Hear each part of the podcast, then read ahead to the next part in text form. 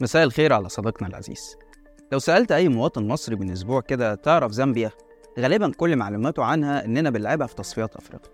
وكان عندهم لاعب عالمي اسمه كالوش أبو ولو حد يعني مطلع وقارئ كان هيقول لك إن زامبيا دي عندها أزمة ديون زي مصر بالظبط. ورئيسها من الرؤساء الأفارقة اللي بيلفوا مع السيسي على نادي باريس وصندوق النقد ودول مجموعة العشرين عشان يقسطوا الديون ولا يدونا منح نمشي بيها حالنا شوية. بس رغم كده الأشقاء في زامبيا عملوا حاجة أحسن مننا في الشهور الأخيرة. لما أصدروا قانون بيضع قيود صارمة على القروض الحكومية وبيحسن مستوى الشفافية المالية بهدف عدم تكرار أزمة الديون.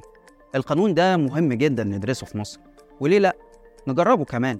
لأنه باختصار بيلزم الحكومة إنها ما تاخدش قروض تزيد عن 65% من الناتج المحلي. عايز أقول لكم إن معدل الدين بتاعنا في مصر وصل 96% من الناتج المحلي. والحكومة بتستهدف خفضه ل 93% في موازنة 24 كمان القانون بيفرض على الحكومة إن خدمة الدين من فوائد وخلافه ما تزيدش عن 20% من إيرادات الحكومة. وأنا آسف إن ممكن أصدم بعضكم لما أقول لك إن خدمة الدين في مصر وصلت السنة دي ل 114% من إجمالي الإيرادات. يعني باختصار كده زي ما معيد كان قال إحنا بنستلف عشان نسدد فوائد الديون اللي علينا. القانون بتاع زامبيا ده هيتم تطبيقه لمدة خمس سنين وبعدها يتم تقييم التجربة. وده لأنهم حسوا إن في مشكلة كبيرة بعد ما الدين الخارجي وصل 17 مليار دولار. طبعا أنتوا عارفين إحنا في مصر الدين الخارجي تجاوز 165 مليار دولار يعني حوالي 10 أضعاف الدين بتاع زامبيا. عشان كده بجد يا ريت نتعلم من الأشقاء في زامبيا ونمسك الفرامل شوية في موضوع الديون ده. لو سألت بقى مواطن مصري النهاردة تعرف إيه عن زامبيا؟ هيقول لك مش دي اللي قفش الطيارة جاية من القاهرة عليها ملايين الدولارات وسبائك الذهب؟ اللي يعتقد إنهم متهربين من مصر عشان البشوات يأمنوا بيها مستقبل ولادهم وأحفادهم بره البلد اللي دمروها وأفقروا أهلها على مدار عشر سنين. هتقولي وعرفت منين كل المعلومات دي؟ ده اتحاد قبائل سينا مأكد لي إنها كانت جاية مصر ترانزيت بس وإن ما كانش عليها دهب ولا حاجة ده نحاس ومن النوع الوحش كمان وإن وجود مصريين عليها لا يعني شروع جهة رسمية ولا شخصيات أو رجال أعمال مصريين في تهريب أي شيء من داخل مصر لا سمح الله. ما تحكموا العقل شوية يا مصريين. وكأن لسان حالهم بيقول راحت فلوسك يا معلم أرجاني. يا ترى إيه علاقة الطيارة دي بمحمود السيسي؟ وإيه اللي نعرفه عن تهريب الأموال؟ خارج مصر. ده اللي هنحاول نعرفه معاكم في حلقة النهاردة. بس قبل ما نبدأ يا ريت تشاركوا الحلقة مع أصحابكم وكملوا الحلقة للآخر عشان هقول لكم مفاجأة سعيدة. أنا عبد الرحمن عمر وده برنامج الحكاية.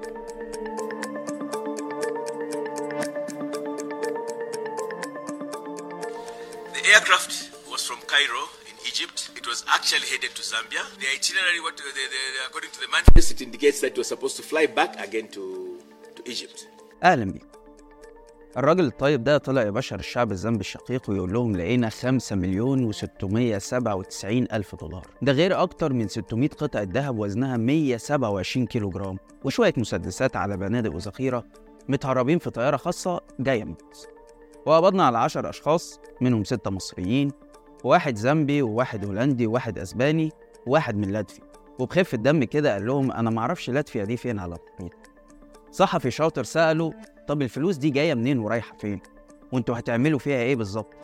واضح إن الصحافة في زامبيا مش شغالة بالسامسونج. أصل نسيت أقول لكم لما الخبر طلع في الأول على مواقع زي المصري اليوم والقاهرة 24 نشروا الخبر عادي. بس فجأة الخبر اختفى من المواقع دي واتمسح مباشرة بعد ما جت التعليمات.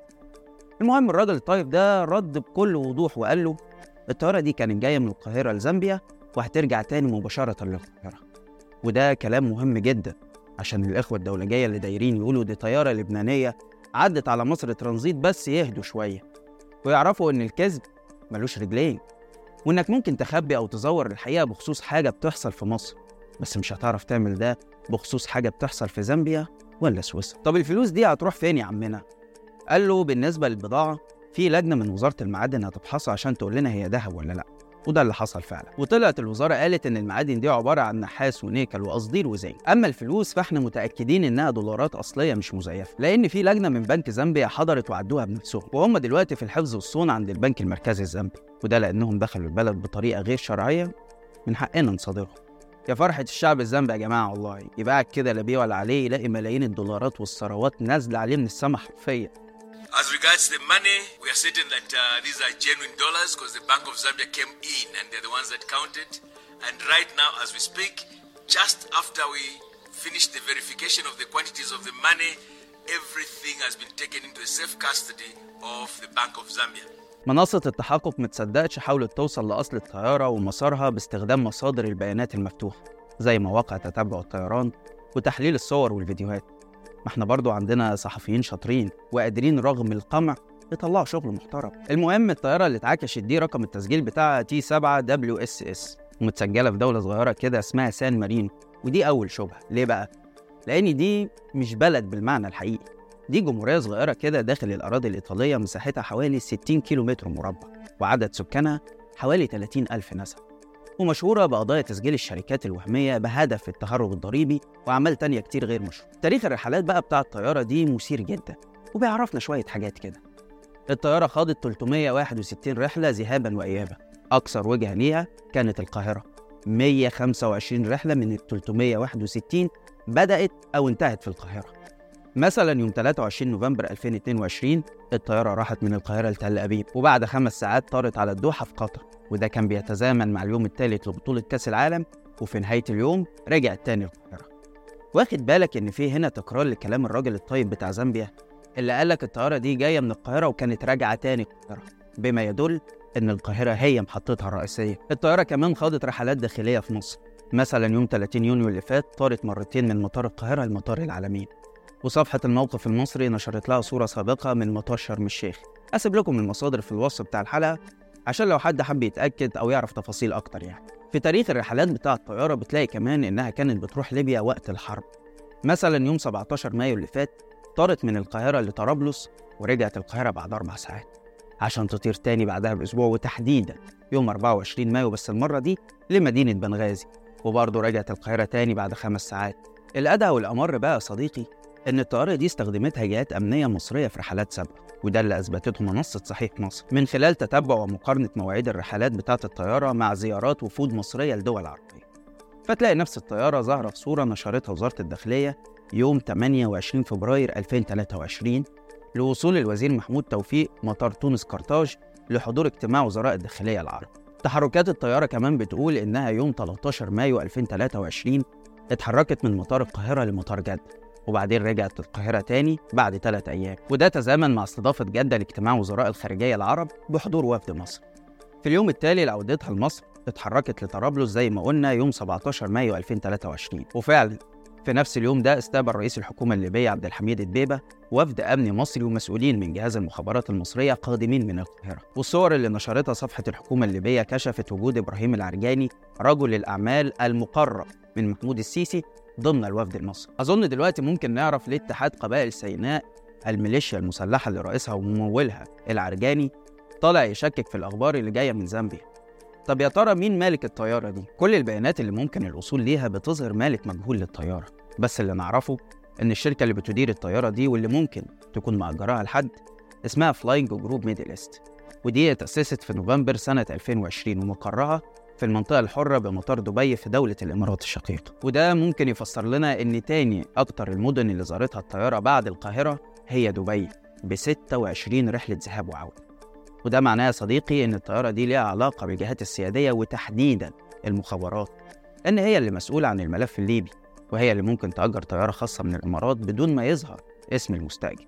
وهنا يجي الكلام على محمود بالسيسي اللي كل الخيوط بتشاور على اسمه سواء بقى كانت مخدرات تحريف فلوس حرب ليبيا العلاقات مع الإمارات وأخيرا حذف الخبر من المواقع التابعة للشركة المتحدة. كل ده بيشاور على السيسي وابنه. ولو الكلام ده مش صحيح تطلع السلطة تقول لنا مين صاحب الطيارة دي؟ وإزاي خرج من مطار القاهرة بحوالي 6 مليون دولار؟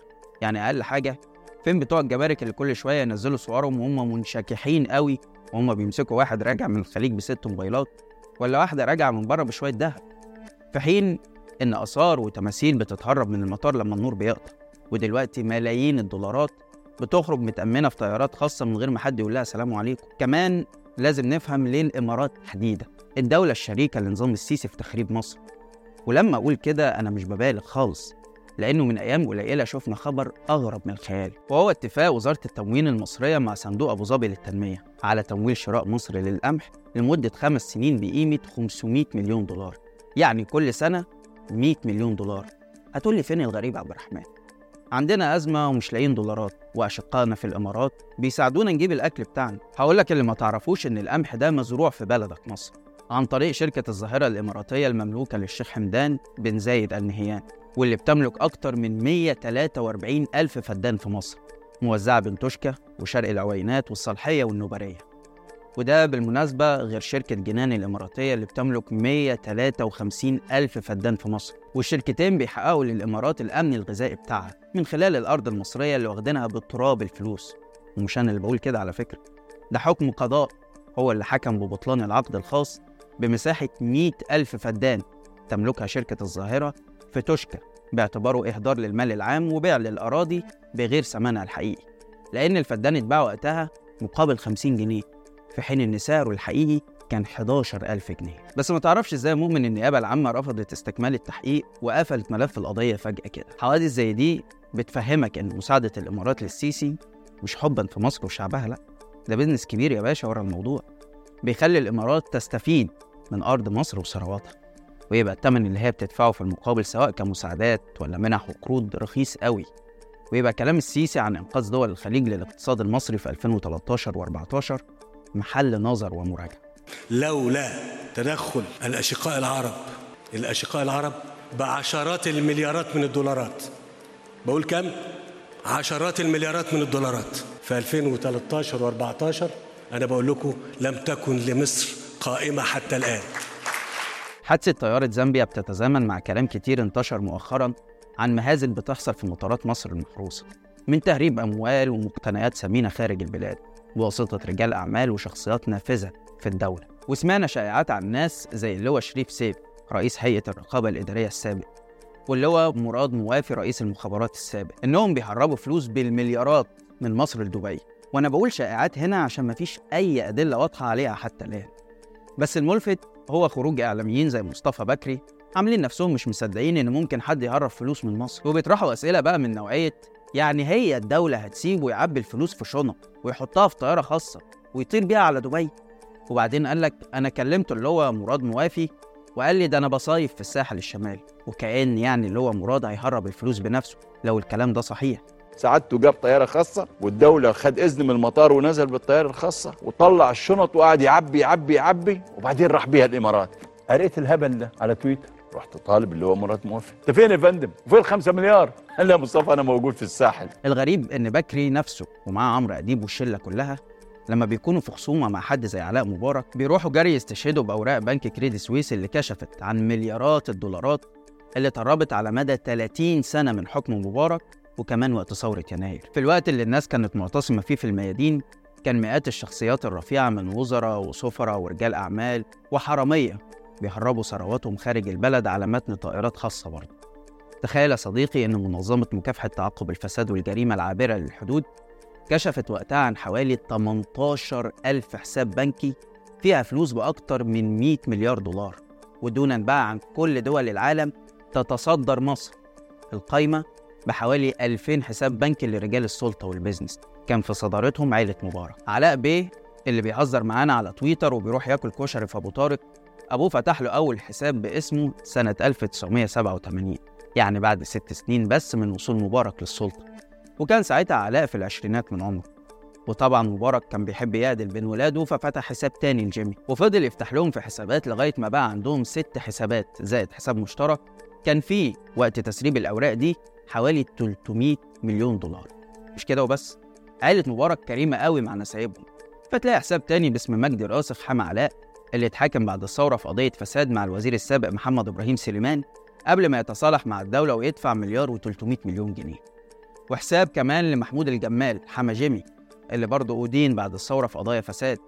وده كان حسابه فيه حوالي 20 مليون دولار بس. ده غير كمان حسابين لرجل أعمال اسمه ياسر الملواني وده كان شريك لجمال مبارك واتحاكم معاه في قضية التلاعب بالبورصة. غير 10 حسابات لرجل الأعمال المشبوه حسين سالم اللي كان زبون دائم على البنك السويسري على مدار ال 30 سنة واللي طبعا كلنا عارفين إنه كان صديق مقرب لمبارك وكان معروف إنه بيشتغل لصالح جهاز المخابرات اللي رئيسها في وقت من الأوقات عمر سليمان كان ليه حساب هو كمان فيه حوالي 35 مليون دولار. ومحدش يتخيل إن دي فلوس المخابرات مثلا مش فلوس شخصية لأن الفلوس دي رجعت بعد وفاة عمر سليمان وحسين سالم لأولادهم وافراد اسرهم القايمة كمان كان فيها وزير الإعلام الأسبق أنس الفقي. ورجل الأعمال هشام طلعت مصطفى اللي السيسي اداله عفو صحي رغم إدانته في قضية قتل الفنانة اللبنانية سوزان تميم. بكري بقى اللي مستغرب قوي من الكلام عن تهريب الفلوس وكأنها حاجة جديدة كتب لعلاء بي على تويتر بيقول له أطلب من السيد علاء مبارك ابن الأصول طيب أن يقف إلى جانب بلاده ويعطي رسالة للآخرين ويحول مبلغ ال 429 مليون دولار. التي يملكها هو وشقيقه إلى البنك المركزي المصري بدلا من تركها في الخارج والبلد في حاجة إلى العملة الأجنبية. وده نفس اللي عمله عمرو أديب لما علاء نشر له فيديو بيكشف نفاقه لكل الأنظمة الفلوس اللي في سويسرا دي بتاعت مين؟ أنا أنت عارف يا علاء إن أنا صحفي شاطر، الفلوس دي مثبتة من الحكومة المصرية ومن الحكومة السويسرية، جبت مئات الملايين دي منين؟ محتاجين ناخد بالنا من حاجة مهمة بقى إن الفلوس دي اللي إحنا نعرفها بس ما بالك بقى باللي ما نعرفوش في ظل المعلومة اللي بتقول إن ما يتم ضبطه من الأموال المهربة بين الدول لا يزيد عادة عن 10% لك بقى أن تتخيل إلى أي مدى مصر دي مسروقة ومنهوبة من رجال السلطة والبزنس وده الحقيقة بيكذب كلام السيسي لما قال إن ثورة يناير كانت علاج خطأ لتوصيف خطأ. إزاي علاج خطأ والدولة ما قدرتش تاخد خطوة في اتجاه محاربة الفساد؟ ومحاولة إعادة المليارات المهربة في الخارج غير في سنتين الثورة لما ظهرت مئات القضايا ضد الوزراء ورجال الأعمال وظهر المستخبي كله ودول زي سويسرا ومنظمات زي الاتحاد الأوروبي جمدت مليارات الدولارات وقالوا إحنا مستنيين مصر تاخد الإجراءات الرسمية وتستعيد الأموال دي بس شلة المنتفعين من الفساد والمستفيدين من كون مصر عزبة مفتوحة ليهم يغرفوا منها زي ما هم عايزين ويأمنوا مستقبل ولادهم وأحفادهم سبقوا بالثورة المضادة. اللي رجعت كل حاجة القديم عن طريق بقى التصالح مع الفسد علني وإعادتهم للبزنس مرة تانية بس المرة دي بمشاركة المنتفعين الجدد. مئات اللواءات من الجيش والمخابرات وعلى رأسهم السيسي وعيلته. اللي الزمن وحده هو اللي هيكشف لنا حساباتهم السرية بره البلد. وما تستغربش لو بعد عشر سنين ولا حاجة لقيته محمود السيسي بياكل كشري عند أبو طارق. بس كده لحد هنا والحلقة خلصت. وجا ميعاد المفاجأة اللي وعدتكم بيها وهي الحقيقة أكتر من مفاجأة. أولا بفضل ربنا سبحانه وتعالى ثم دعمكم وصلنا في قناة شباك ل 10 مليون مشاهدة. وده يخليني الحقيقة ممتن جدا لكل واحد بيشوف إن المحتوى اللي إحنا بنقدمه مفيد ومهم. المفاجأة التانية بقى هي إنه قريب جدا هيكون في برنامج جديد على القناة للزميل والصديق العزيز عبد الرحمن سعد اللي بتمنى له طبعا التوفيق واللي متأكد إنه هينال رضا حضراتكم. تفاصيل البرنامج بقى خلوها مفاجأة تانية عبد الرحمن يقول لكم عليها بنفسه في الأيام اللي جاية. في النهاية شارك الحلقة لو عجبتك وتابع حساب شباك وحسابي على الانستجرام هتلاقي اللينك في الوصف واستنانا كل يوم اتنين وجمعة الساعة 8 بالليل بتوقيت القاهرة في حلقة جديدة من برنامج إيه؟ سلام